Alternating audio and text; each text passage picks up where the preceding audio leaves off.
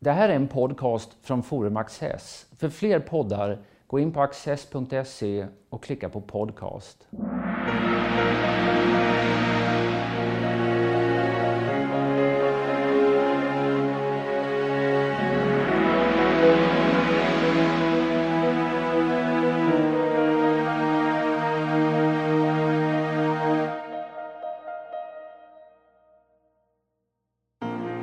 Svenska samhället under äldre tid var mer rörligt än vad man vanligtvis tror. I början av 1600-talet flyttade många, både inom lokalsamhället och på längre avstånd, ofta för att skaffa jobb. Det säger filosofie doktor Martin Andersson som studerar migration. Filosofie doktor Martin Neuding Skog forskar om krigsmakten under 1400 och 1500-talen och pekar på hur de många krigen ledde till ökad rörlighet, både socialt och geografiskt. Det gamla bondesamhället det uppfattades ju som väldigt stabilt. Man föddes på en plats, man stannade där hela livet och man jobbade ungefär med samma saker som föräldrarna, eller kanske ganska exakt, exakt som samma saker som föräldrarna. Men stämmer den här bilden av det gamla bondesamhället? Vad säger du, Martin Andersson? Nej, det ska jag väl säga ganska bestämt att den inte gör. Eh, utifrån min forskning och utifrån annan forskning. Det är rätt tydligt att människor både rör sig i rummet mycket mer än vad vi kanske har trott och också att man inte, som du säger, blir kvar på och gör exakt samma saker som, som föräldrarna och farföräldrarna. Utan, nej, det är Vad nog, säger Andre, Martin? Ja, alltså, det jag tycker mig se det är liksom ett stort mått av, eller ett större mått av obeständighet socialt och geografiskt än, än det man får, får sig till livs i den här gängse gamla traditionella bilden av. Eh, folk flyttar på sig, folk rent av byter karriärer så att säga i, i det gamla samhället på ett sätt som vi kanske inte tror idag. Men var kommer den här bilden ifrån? Det är ju liksom, tycker jag, en väldigt intressant fråga. Du brukar citera Geijers, Odalmannen, den här Odalbonden, han som bor på samma plats hela livet. Han föds och dör på samma plats som vi talar om. Men är det 1800-talet som är upphovet? Ja, men åtminstone tillbaka till 1800-talet kan jag säga att man kan dra den här bilden. Det finns en väldigt stark eh, romantisk föreställning kring just det här, det orörliga. Man längtar tillbaka till någonting. Man ser kanske att samhället håller på att förändras väldigt snabbt. Man söker stabilitet och så gör man det i historien och så tänker man att förr då, då var det precis så, så som den här Odalbonden själv uttrycker i dikten. Att där jag föddes, där vill jag dö. Och, och det finns ingen, ingen utrymme där överhuvudtaget för social eller geografisk rörlighet. Man, man tänker sig att alla, alla människor var bofasta och, och, och någon sorts idealsamhälle. Men det är ju inte bara allmänheten i stort som har den här bilden. utan Du kan ju visa att även forskarna har varit ganska styrda av det här det gamla stabila bondesamhället. Absolut. Jo, precis. För den här bilden tror jag den har varit så förhärskande när vi tänker på överhuvudtaget om vi tänker på ett gammalt bondesamhälle. Så att den har även de forskare som tittat på geografisk rörlighet i, i äldre tid har ju också burit den med sig. Och trots att man i många studier, och nu snart 40-50 år, har, har kunnat visa att människor var rörliga och så, så har man alltid tolkat utifrån att ja, men det var nog ett särpräglat undantag just i den bygden eller just där och då. För att man har inte velat, velat se det här så som det, det som jag påstår att människor förr var mycket, mycket mer rörliga. Till slut blir det väldigt många undantag. Ja. Man kanske inte kan blunda längre för... Precis, det är tvärtom så det är väldigt svårt att hitta såna här människor som passar in på bilden av att aldrig röra sig utan sin hemby och så vidare. De, de, de är nog... Men kan det bidra här då till eh, den här bilden av att man inte rörde sig, att det också har varit svårt att forska om det? Källorna är inte så många. Nej, nej men så, så är det ju. Det är ju rätt långt fram i historien som, som eh, eh, man blir intresserad av att börja registrera migration eller registrera rörelse i, i rummet till exempel. Det gör att vi historiker har, har rätt dåligt med, med källmaterial att, att gå till. Men du har hittat ett källmaterial som faktiskt har hjälpt att titta in i flyttningarna. Ja, men precis. Man kan se det som ett litet titthål in i tidigt 1600-tal. För då, det som jag använder om Älvsborgslösens rannsakningslängder. Då, i just det sammanhanget, staten är väldigt intresserad av varför fick man in mycket mindre pengar i, i beskattning än vad man hade trott. Och så skickar man ut kommissarier, män som ska titta efter det här i hela landet. Och så kommer man fram till att ja, det var ju för att människor flyttade väldigt mycket. Det var huvudanledningen i alla fall. Och så registrerar man det och utifrån de uppgifterna då som man samlar in så har jag på något sätt bakvägen kommit åt den här migrationen som, som man annars inte registrerar. Mm. Och du, har liksom, du har haft ett källmaterial som har blivit som ett titthål. Ja. Men Martin, du har haft massor av källmaterial. Du har mera lagt ett pussel om jag säger så. Ja, jag har jobbat mycket med, med fragment av källor från den äldre perioden, från, ja, från början av 1500-talet framför allt. Och, och där kan man ju se, eh, när man lägger de här många fragmenten vid, vid varandra, att, att det finns också ett annat motsvarande fenomen, nämligen att man har ett ganska stort inflöde av, av utlänningar i Sverige under, alltså, till en början framförallt tyskar och livländare, men senare också engelsmän och, och skottar och fransmän och så där, som kommer till Sverige, som man ser. Om man jämför de här Sverige är inte så svenskt som Nej. vi ibland tror, Nej. inte ens på 1500-talet. Mer, mer heterogent. Ja, precis. Då har du tittat på de här ransakningslängderna. Vad kom du fram till? då? Hur mycket flyttade människor? Ja, men precis, det är ju grundpoängen. Människor flyttade och man gjorde det inte riktigt lika ofta som idag, men ändå på nivåer som är mer eller mindre liknar idag, liknar industrialiseringens 1800-tal och så vidare. 1600-talet är inte nödvändigtvis mer orörligt än vad, än vad 1800-talet är. Så att, eh, sen skiljer det naturligtvis åt mellan olika grupper, mellan olika åldrar, när är man som mest rörlig. Ungdomar är väldigt rörliga till exempel. Men är det bara ungdomar som flyttar? Eller? Nej, utan det är tvärtom. Det är går egentligen inte att hitta någon grupp där människor inte flyttar. Eh, det är de här bondhushållen, de som man tänker sig är som mest stabila. De flyttar eh, många, flera procent av, av eh, familjer då, som flyttar varje år. De flesta inom sitt till byar eller gårdar i, i trakten naturligtvis, inom sina lokala nätverk, inom lokala områden och så vidare. Men hur är det med städerna då? Flyttar människor där? Är det, flyttar de bara in eller? Nej men precis, för, för, att, för sen så finns det vissa punkter i samhället som städerna mm. som ju lockar och attraherar människor över mycket längre avstånd. Mm. Människor flyttar in men vad jag också kan se, för det tänker man sig att människor flyttar in till stan, sen dog de för att det var så dåliga förhållanden.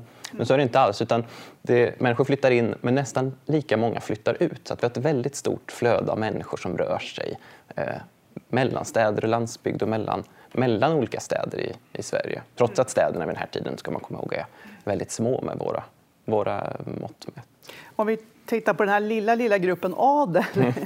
hur, hur de är ganska rörliga, eller? Ja, men det, det ja. är de ju. Ja, den är ju väldigt svår att överhuvudtaget knyta till en punkt. De är en grupp mm. som är i rörelse hela tiden. Mm. Och det måste du se också? Ja, definitivt. Och, och, och tittar man på ja, mot medeltidens slut så ser man att aristokratin de har ju sina godskomplex som kan sträcka sig över flera landskap. Och, och I sin tjänst har de också en massa människor som har tagit sig dit som en konsekvens av en inre och en yttre marknad också. Alltså en, en arbetsmarknad då, som genereras av att det finns kontanta medel. Mm. Men då kan vi säga att de är ganska få, så att, men det är ändå en väldigt rörlig grupp. Man måste ju komma ihåg det här också. Men tjänstefolket, alltså unga ogifta män och kvinnor, de flyttar ganska mycket. Stämmer det? Ja, men de flyttar Ja, och det tänker man ju att oerhört det mycket. Det tänker man ja. kanske. För att där såg det ut som så att, att eh, lagstiftningen sa att man skulle vara anställd väldigt korta perioder. De allra flesta följer det också. Så att man flyttar kanske flera gånger om året, byter husbond och så här. Det är återigen den här bilden man eventuellt har av Alfred och Lina som bor i Katthult och bor där hela tiden och aldrig byter sin husboende. Den, den stämmer inte alls heller med, med vad vi ser. Det var bara ett års kontrakt om jag ett års kontrakt eller till och med halvårskontrakt under medeltiden och fortfarande in 1500-1600-tal. Så att man, eh, man byter husboende hela tiden och eftersom man bor där man jobbar så betyder det också att man, man flyttar och rör sig mellan olika bostäder. Men väldigt många blir också tjänstefolk därför att man gifter sig ganska sent i Sverige, eller hur? Mm. Så i väntan på det, då, att man ska kunna gifta sig, så Ja, det, man kan se det lite som en utbildningsfas. Det finns ju ingen formaliserad bondeutbildning utan det är ju, det är ju som dräng eller piga som du lär dig hantverket så att säga.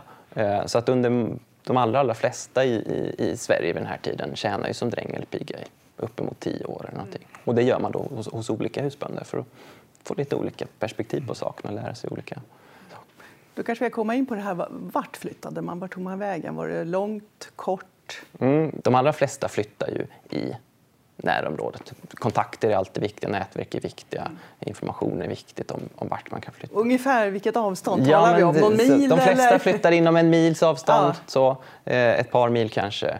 Ehm, Men sen finns det ju naturligtvis också de som rör sig mycket, mycket längre. Till exempel till, till städer. Städerna lockar människor över mycket, mycket längre avstånd.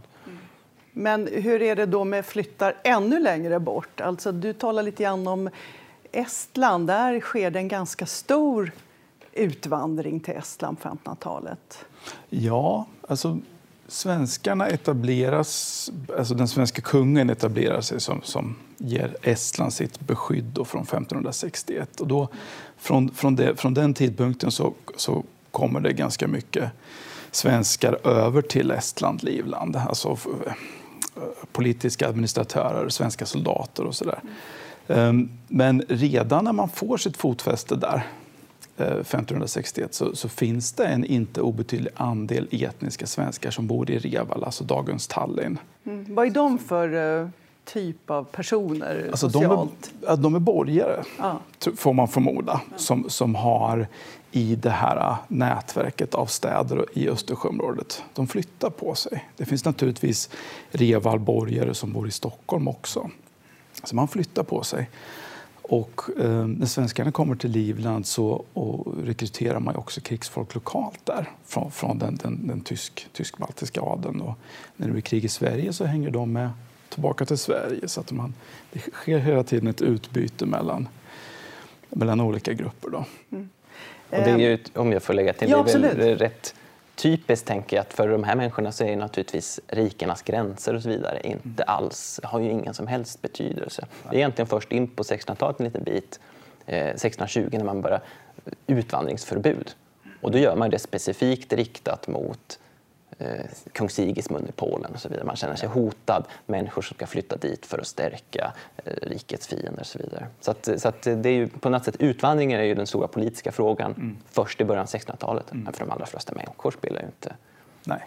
Antagligen tänker man inte ens Nej. på att jag flyttar utomlands. Det är liksom inte ett begrepp. Nej. Och du talar ju också om att det här utvandringsförbudet på 1600-talet det gällde ju verkligen inte hela befolkningen. Nej, utan det är ju specifikt riktat på vissa, vissa grupper och, och, och samtidigt som man vill ha andra typer av utvandring. För man tänker sig att det är väldigt bra att adelsmän och bond och borgarsön och så reser till kontinenten, lär sig hantverk eller går i universitet. För att man tänker att sen återvänder de och har de här nya kunskaperna och humankapitalet med sig, det som riket behöver.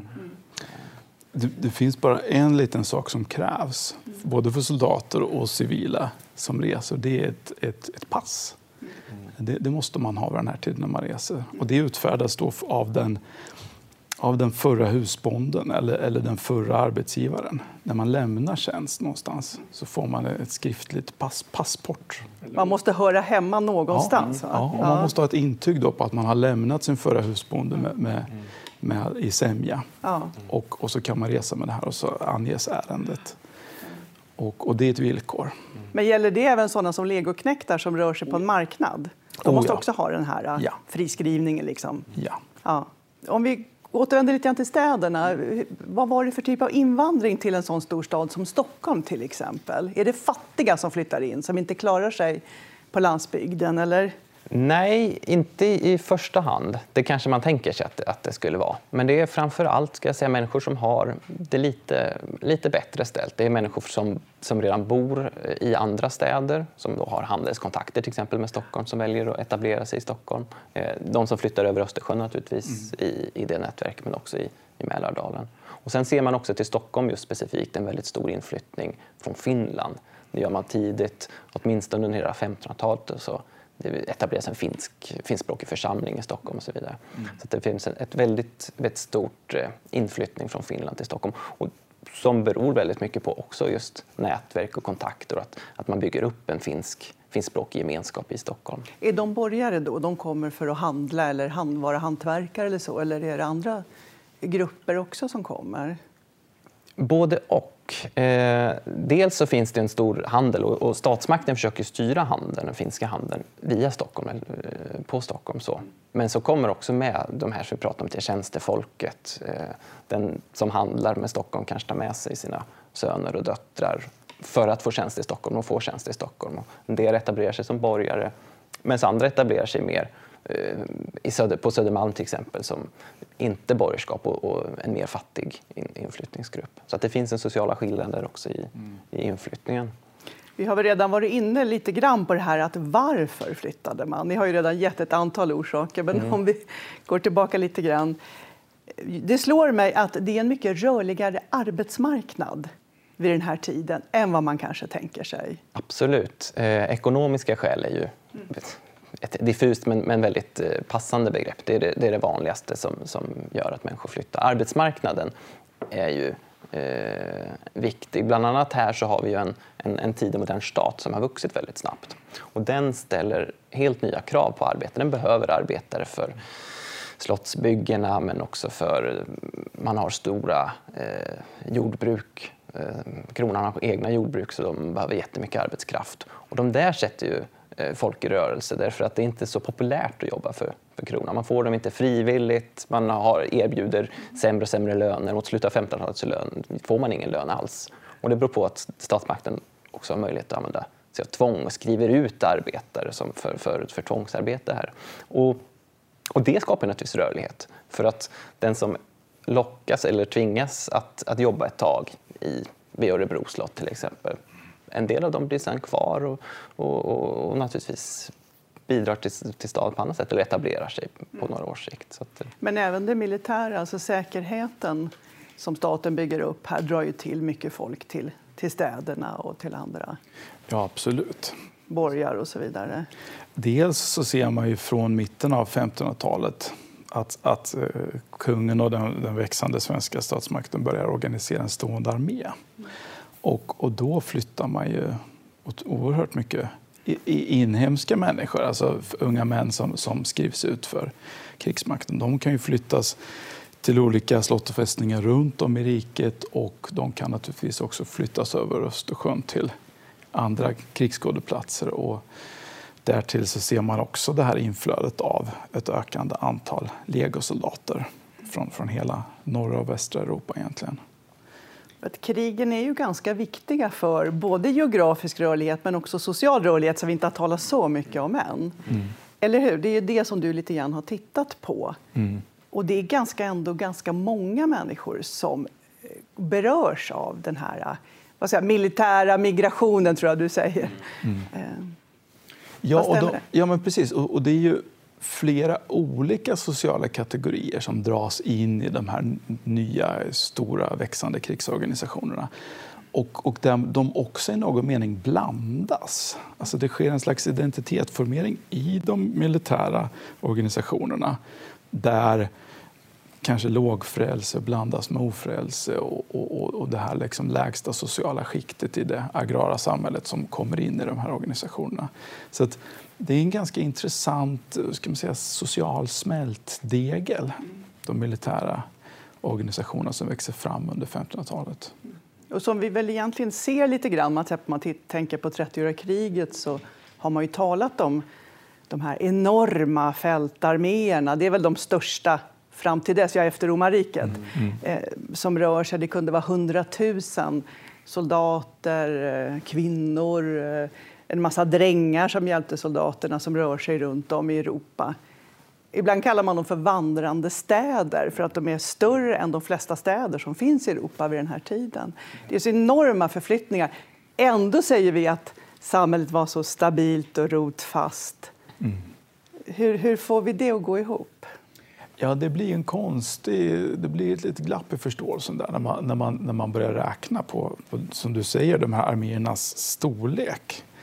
Eh, man brukar säga att det gick åtminstone en civil på varje militär, de här arméerna. Och hade man då en, en fältarmé med 50 000 soldater så, så innehöll den åtminstone 50 000 extra civila. Mm. Så det blev som du säger en, en, en storstad under 1600-talet som, som var ute på Mars. Och det får ju ett enormt genomslag när, det här, när den här vandrande staden kommer in i ett område liksom, och man ska ha mat och husrum och sådär. Under längre krigsperioder när, när områden blir utarmade då, då är det också så att då, de, de, som har förlorat sina födekrokar, bönder och så där, de, de söker sig ibland till arméerna tar tjänst som soldater eller tjänstefolk eller eh, trosssträngar som, som ett sätt att försörja sig. Och, och då blir de en del av den här växande kolossen. Så att, eh, och det där tänker jag, man, man, kanske inte alltid tänker på det, men eh, den stora växelverkan som då finns mellan civilt och militärt. Mm. mm. Jag har ju flera exempel på hur eh, under tidigt 1600-tal när eh, legoknektar tågar igenom Sverige för att de ska skicka, skickas över till Baltikum och till, mm. till Ryssland och så. Eh, hur, hur, det då finns uppgifter i mitt material, i de här små titthålen, om, pigan Eh, följde med skottarna och så vidare. Så, så, att, så att det är precis som du säger, det här är någonting som fylls på hela tiden och, och som gör avtryck. Eh, en rörlighet skapar ytterligare mycket rörlighet i, i flera led. Men ibland har man kallar det för krusningar på ytan och då tänker man väl att det här är tillfälligt, att liksom stabiliteten rubbas tillfälligt och sen är man tillbaka i sin stabila bondemiljö. Men många kanske aldrig kom tillbaka, eller, eller gjorde de det? Ja, det var naturligtvis en, en, en, en hög dödlighet i de här arméerna. Mm. Eh, de många kanske aldrig kom hem igen av olika skäl. Men, men jag skulle nog säga att under de här allvarligare eller längre krigsperioderna då, då var det nog mer som vågor än krusningar alltså som ändrade demografin. Både där arméerna drog fram och, och de människor som flyttades på det här sättet. Så, att, så att det, jag tror att det är händelser som, som um, är påverkade, både inflödet och utflödet av människor i, i, i de områden som drabbades.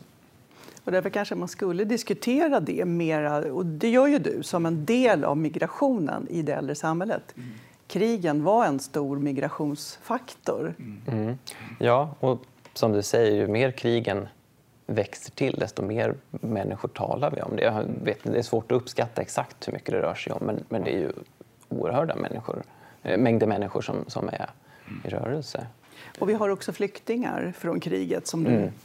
ja, men, registrerar också i ditt material. Ja, precis. Eh, och, och de går ju också upp i flera i, i, i tusental. Till exempel under den period som jag undersöker så är, har Göteborg och, och, och städerna där bränts ner. Befolkningen har flytt undan och flyr in i, i Sverige. Och det får jättestora konsekvenser för vad ska statsmakten göra. Och man registrerar dem, man låter dem bosätta sig på vissa städer som får långtgående konsekvenser. Till exempel får rätt många bosätta sig vid Alingsås, som inte är en stad, inte är, men blir en stad sedan 1619, får stadsprivilegier och finns ju kvar som som stad in i våra dagar på grund av just den här flyktingvågen som utlöses när, när danskarna eh, intar Göteborg och, och Lödöse 1611-1612. Mm. Och du har liknande flyktingvågor efter stora nordiska kriget. Mm. När Finland ockuperades på 1710-talet så kom ju en enorm massa eh, människor till Sverige och ska försörjas. Och, så att jag menar, det här finns ju gång på gång. Liksom. Och det påverkar säkert också mera på sikt mm. än vad vi egentligen tror. Mm. Men det är också någonting, precis som du säger, som har setts som någon sorts parenteser. Eller så att samhället var ju orörligt, tänker man sig, och, det här är någonting konstigt då. Men egentligen så är det så att vi, det är ett, ett, samhälle där människor rör sig väldigt mycket och det här är ytterligare en, mm. en viktig form av rörlighet i det. Vi har ju pratat lite grann om legoknektar och, och de här äh, marknaderna för militär personal, eller man ska säga. Och det har man ju sett ner ganska mycket på. Men, men det var ju, om jag förstår det rätt, det var en ganska viktig, viktig rekrytering för att få militären att fungera i äldre mm. tid. Mm. Alltså, som, lite som, som en, en utgångspunkt där så måste man förstå att, att det eh, om vi är på 1500-talet till exempel, då, alltså den, den tidens samhälle var ju ett utpräglat agrart samhälle med naturaekonomi där de allra flesta människorna inte fick någon kontantlön i, i pengar för, no, för någonting de gjorde, utan man bytte varor. Och i kontrast då, så legosoldater, soldater i allmänhet, legosoldater i synnerhet, var en av få kategorier människor som uppbar en kontant lön i penningar och kläder, alltså ylletyg av bättre kvalitet än, än importvara. Och det här var naturligtvis väldigt eftertraktat. För det, det, med den här rätt så hyfsade lönen så kunde man ägna sig åt en konsumtion som inte vanliga bönder kunde. Och, så där. Och, och det gjorde att det fanns alltid eh, en ganska stor grupp människor som var villiga att ta tjänst på det här sättet. att få kontanta medel. Både inom riket och de som lockades till riket när riksföreståndarna eller kungarna eh, eftersökte personal i Östersjöområdet. Men det finns också en kritik. Alltså man är ja. lite rädd för de här rörelserna ja, med ja. människor över gränser. Och man försöker skapa inhemska rekryteringar och inhemska arméer. Men det är inte så lätt heller, eller hur? Nej, alltså Gustav Vasa var ju väldigt inne på det här med att det skulle vara svenska män som man formulerade som, som skulle försvara riket. Och de här utländska legosoldaterna kunde man inte lita på. Han hade nästan en liksom sådär lite främlingsfientlig approach till det här problemet. Då. Men, men likväl så var de här utlänningarna så pass professionella och hade med sig know-how och så där, så de blev ett slags nödvändigt ont. Vad händer med dem efter kriget? Kommer några att stanna kvar i Sverige eller är de, återvänder de sen när de har jobbat klart? Liksom, som... Ja, alltså det ligger lite i sakens natur när man var i Tyskland och Polen och krigade att de avdankades i, på plats. Så att säga. Och avdanka betyder? Ja, alltså att man avtackar, alltså slutbetalning och ja. tack och adjö så att säga. Men, men, men i, i, det kom ju också sånt här krigsfolk till Sverige, i synnerhet under 1500-talet. Och en del av dem blev kvar i svensk tjänst eller i, slog sig ner i städerna och försökte sig på något borgaryrke. Och, um, eller gifte sig, för all del, in i, i bättre svenska familjer. En del skottar stannade. Det ja. känner vi ju på namn som Hamilton och ja. Spence och så vidare. Precis. Och det är från med tidigt 1600-tal framför allt mm. som man ser det stora inflödet av skottar. De blir, de blir nästan eh, nationaliserade så att säga, mm. de, här, de här skotska förbanden. En, en genomgående eh, linje här är ju att staten spelar en väldigt stor roll. Det här är en period när staten expanderar väldigt mycket. Mm. Mm. Eller hur? Du ser väldigt mycket av staten som arbetsgivare som drar till sig migration. Mm. Ja, jo, men staten blir ju allt viktigare. Eh, och det tänker jag framförallt i jämförelse med en äldre mm. tid när, när staten som organisation var ekonomiskt väldigt liten och obetydlig in på 1600-talet så, så blir den allt viktigare som jag sa tidigare med stora jordbruk, eh, eh, stora slott som ska bemannas och inte minst Sala silvergruva och, och så vidare där man ska ha arbetskraft och så vidare. Mm. Eh, längre in i, i 1600-talet så, så avvecklar staten vissa delar av den där verksamheten tror jag, och tas mer och mer över av adeln. Alltså när, när adeln blir allt viktigare, till exempel som följden 30-åriga kriget, så är det ju där istället som behöver nytt, mer tjänstefolk, mer mer kvalificerad arbetskraft och så vidare. Mm. Samtidigt Men sen har du också det här med, jag tänker på skolor, universitet, eh, byråkratin. Det är liksom en massa institutioner som byggs upp vid den här tiden. Ja, men absolut. Och, och, och skolorna är ju en intressant institution som man inte heller kanske tänker på. att De skapar naturligtvis rörlighet. Eh, om, om eh, skolorna i, i de mindre städerna, städer som har några hundratals invånare och så, och så har skolan över 150 eh, elever kanske det, det, skapar en helt annan stadsmiljö än vad vi kanske tänker oss. Och de här eleverna är också väldigt, eh, eller eh, studenterna är väldigt rörliga också därför att de får sin försörjning genom, eh,